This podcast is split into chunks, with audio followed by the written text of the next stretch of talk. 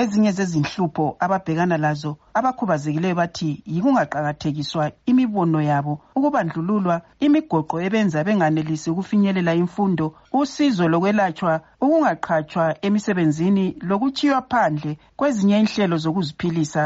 Osakhulayo utariro gurure okhubazekileyo ohlala kobulawayo ulandisa ngezinye zezinhlupho ababhekana lazo. Into engingathi zikhangele ikakhulu ukuvama okuyenza ukuthi siswele yikuthi amankampani awafuni ukusiqhatsha nxa ulokugoga njalo usungathi uthengise wena emsikeni kumbe estradeni. Imali yangikhona iyabe ingayenelisi ukuthi ikugcine. Unkosazana gurure uthi kodwa kungumlando kahulumende ukubanakekela phansi kogatsha lwenhlalakahle kazulu ngezimali zesikhwama ese-social welfare social grant. Asikayiboni imali leyi ibuya ingena iphiwe abantu ukuthi begcinakale bekwanisa ukuthi bebhadale omastanda irenti bekwanisa ukuthi behambise abantwana ezikolo. Singakhangela ukuthi ngeminyaka leyi emibili emithathu esisuke kiyo besilo umkhuhlane owe-covid izinto zicine zitshintsha lokuya phezulu kwezinga itaxi sikhwelile.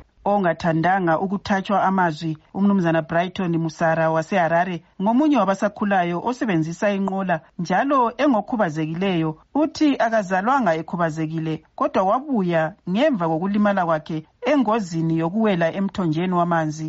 Yena-ke uthi waphazamiseka ezifundweni ngoba engasanelisanga ukuphutsha uform 4 kunje ubrighton uthi uyehluleka ukuziphilisa esengogcinwa yizihlobo efisa ngabe uyatholiswa laye amathuba azenzele ukuze aphile laye impilo engcono. Useneta anashiri okhubazekileyo omela abanye bakhe edale lephalamende uthi kuqakathekile ukuthi kulandelwe okumunyethwe yisisekelo sombuso welizwe ekulinganisweni kwamathuba lokungabandlululwa kwabo.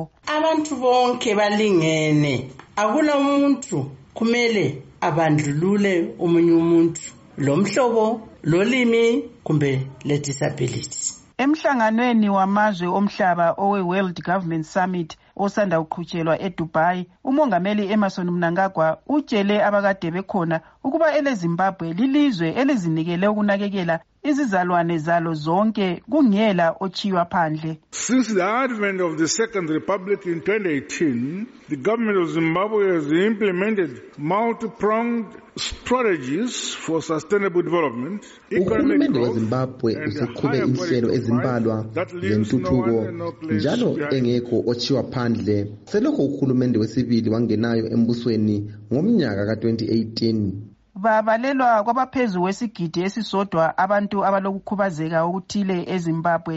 Izimbabwe iyingxenye yamazwe aloba isivumelwano sokulondolozwa kwamalungelo abantu abakhubazekileyo ese-un convention on rights of persons with disabilities uncrpd ngimele istudio 7 ngiseharare ngingulusi selemani yasini.